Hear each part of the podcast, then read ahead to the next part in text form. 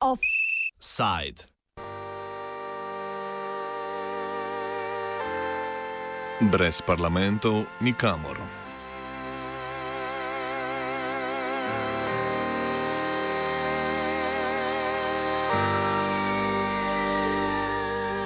Sodišče Evropske unije je presodilo, da Evropska komisija sama ne more sprejeti prostotrgovinskega sporazuma med EU in Singapurjem, pač pa bo zato potrebna ratifikacija vseh 38 nacionalnih in regionalnih parlamentov v Evropski 28-terici.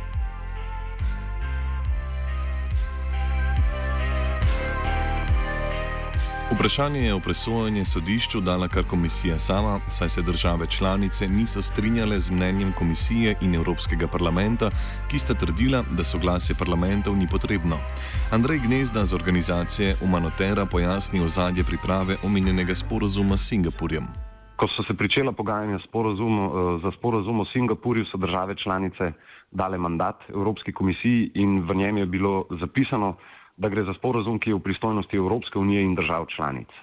Vendar je pa končni rezultat pogajanj, kot ga je pripravila komisija, bil tak, da je sporozum nenadoma postal v izključni pristojnosti Evropske unije. In so, se pravi, komisija, zelo poenostavljeno rečeno, je politično izigrala države članice in po zelo jasnih signalih na svetu EU in političnih preigravanjih je komisija sklenila, da zaprosi mnenje, za mnenje sodišča Evropske unije.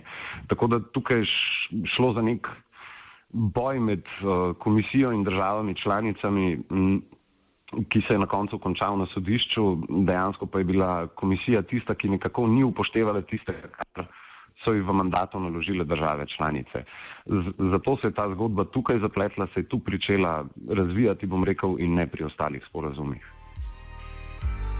Sodišče je presodilo, da organi Evropske unije uživajo veliko svobode in ne potrebujejo privolitve parlamentov na večini področji, pristojnost pa si morajo deliti na področju posrednjih tujih naložb in na področju urejevanja sporov med vlagatelji in državo. Za slednje je predviden tako imenovan investicijski sodni sistem, znan pod angliško kratico ICS, ki bi prenesel pristojnost državnih sodišč na posebna arbitražna sodišča za to vrstne spore. Gnezda pozdravlja odločitev sodišča, a hkrati pa udarja, da to postavlja precedens, v katerem si je EU zagotovila dodatna pooblastila. Vloga nacionalnih parlamentov se ohranja v tistih sporozumih, kjer je notri ISDS ali ICS. Z tega vidika je seveda to zelo dobrodošla in pomembna odločitev, vendar pa po drugi strani so tudi področja, kjer pa je komisija sedaj odločila, da sodijo v pristojnost, eh, izključno pristojnost Evropske unije, kar pa tudi pomeni nek precedens, ki bi lahko v bodoče pripeljal do nekih praktičnih pomembnih posledic.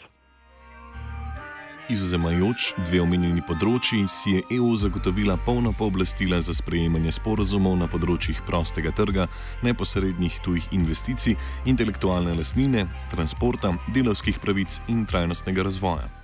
Ne moremo reči, da je šlo za neko politično odločitev, nikakor gre vendarle za sodišče Evropske unije, pa vendar je ta odločitev, ko gre za področje transporta, intelektualne lastnine, trajnostnega razvoja, veliko bolj v prid Evropski komisiji kot pa uh, državam članicam. Belgijski pravnik Laurence Ankersmith, ki se ukvarja s trgovinskim in okoljskim pravom, pojasni odločitev sodišča glede posrednih tujih investicij. Te za razliko od neposrednih investicij ne prinašajo lasništva oziroma znatnega deleža ter vpliva v podjetjih, pač pa gre za portfeljske naložbe, kar pomeni, da gre za dosti bolj pretočen kapital. So the reason that uh, these two areas are shared competence is because uh, the treaties basically allocate the, uh, the, the, the, the, powers between the EU and the member states. And um, when it comes to portfolio investments, there is no provision uh, within, uh, within the treaties that explicitly gives this power to the EU exclusively. So uh, what the ECJ basically decided is basically split up the powers when it comes to investment to an area that is exclusive competence for the EU, which relates to foreign direct investment, and a part that's shared competence because the treaties themselves do not explicitly give that power to the European Union. So that's why the ECJ decided in relation to that area that is um, shared competence. Anker Smith oriše razlike med posrednimi in neposrednimi tujimi investicijami. Generally, the distinction between foreign direct investment and portfolio investment is that foreign direct investment relates more to, let's say, substantial control over the investment in the other country. So when you're actually having a company um, in another country, that's considered to be foreign direct investment. But if you just only buy shares, so just like uh, like let's say money that's a little bit easier, uh, where, where you have less influence over a company, that's considered to be portfolio investment. And um, generally, that's considered to be a little bit more hot money, a bit more dangerous money, because it can go in and out of the country uh, relatively quickly. And maybe that might have been uh, a consideration in the background um, for the member states to not give that power to, um, to the European Union. Anker Smith dvomi, da bi lahko komisija obšla sodbo tako, da bi sporne dele preprosto odstranila. It's been policy of the Commission uh, to have free trade agreements that have a dedicated investment chapter. And that, I mean, that's, that's one of the, the, the key aspects, really, of these very deep and comprehensive trade agreements is to include uh, areas of, um, uh, to cover investment.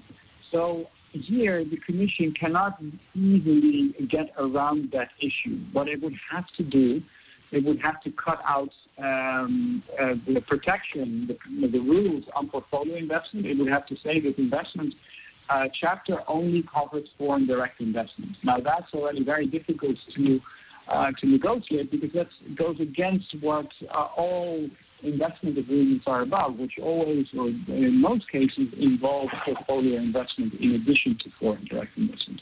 And of course, it also includes uh, the, the, the issue of ISDS, and that's also part of the international investment agreements, is to have a provision on investor-state dispute settlement.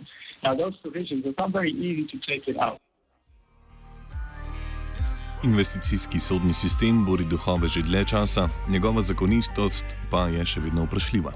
When it comes to ISDS, it's very interesting actually what the, what the uh, European Court of Justice has said there. The ECJ have said that because investor state dispute settlement affects the powers of the courts of the member states, so also ISDS affects the powers of the Slovenian courts, therefore that uh, system cannot be exclusive EU powers. Therefore, you need to involve the member states in order to uh, to decide on that, and to include that in, a, in, an international agreement. So it's because the powers of, of basically national courts are affected that uh, that this system needs to be um, shared competence. Ena od držav, ki je izrazila željo in celo dala zavezo k presoji vprašanja, ali je ICS sploh v skladu z evropsko zakonodajo, je bila v času sprejemanja prostotrgovinskega sporazuma s Kanado, krajše CETA, ravno Slovenija. Uh, this judgment, if anything, makes, makes very clear that uh, member states are uh, still in, uh, uh, in full powers to make this, make a request for an opinion on the compatibility of the investment court system with the treaties. The, the opinion, first of all, makes clear that this opinion is the, the opinion, the Singapore opinion, the opinion that was decided today, is only about competence. And the court makes clear explicitly in paragraph 30 of the judgment that this opinion does not concern compatibility, which is a different legal question. So that's already a clear indication from the ECJ saying, listen, uh, we're not going to talk about compatibility. If you want to know anything about that, you have to make a new request for an opinion. So that's the first thing. And the second thing is, um, this is now, uh, it's now clear that these investment provisions are shared competence between the EU and the member states, which means that the member states have something to say about these uh, provisions. And if they want to, uh, if they want to send this to the European Court of Justice, they're fully entitled to do so. Gnezda verjame, da bo EU še vedno poskušala sporozum s Singapurjem sprejeti v obstoječi obliki, pa tudi, če bo za to potrebno nekaj fleksibilnosti. Osebno nekako pričakujem, da bo Evropska komisija tukaj ustrajala pri vključitvi sistema ICS v sporozum s Singapurjem. Kako pa bodo sedaj to uredili v relaciji do nacionalnih parlamentov, kako bo potekala ta ratifikacija, Ali bodo tukaj postali kreativni v Bruslju, to bomo še videli. Lahko tudi pričakujemo kakšne poteze, kjer bi poskusili nekako zaobiti ali pa, bom rekel, uh, morda omiliti proceduralne posledice današnje odločitve sodišča Evropske unije. Offside je pripravil Antun.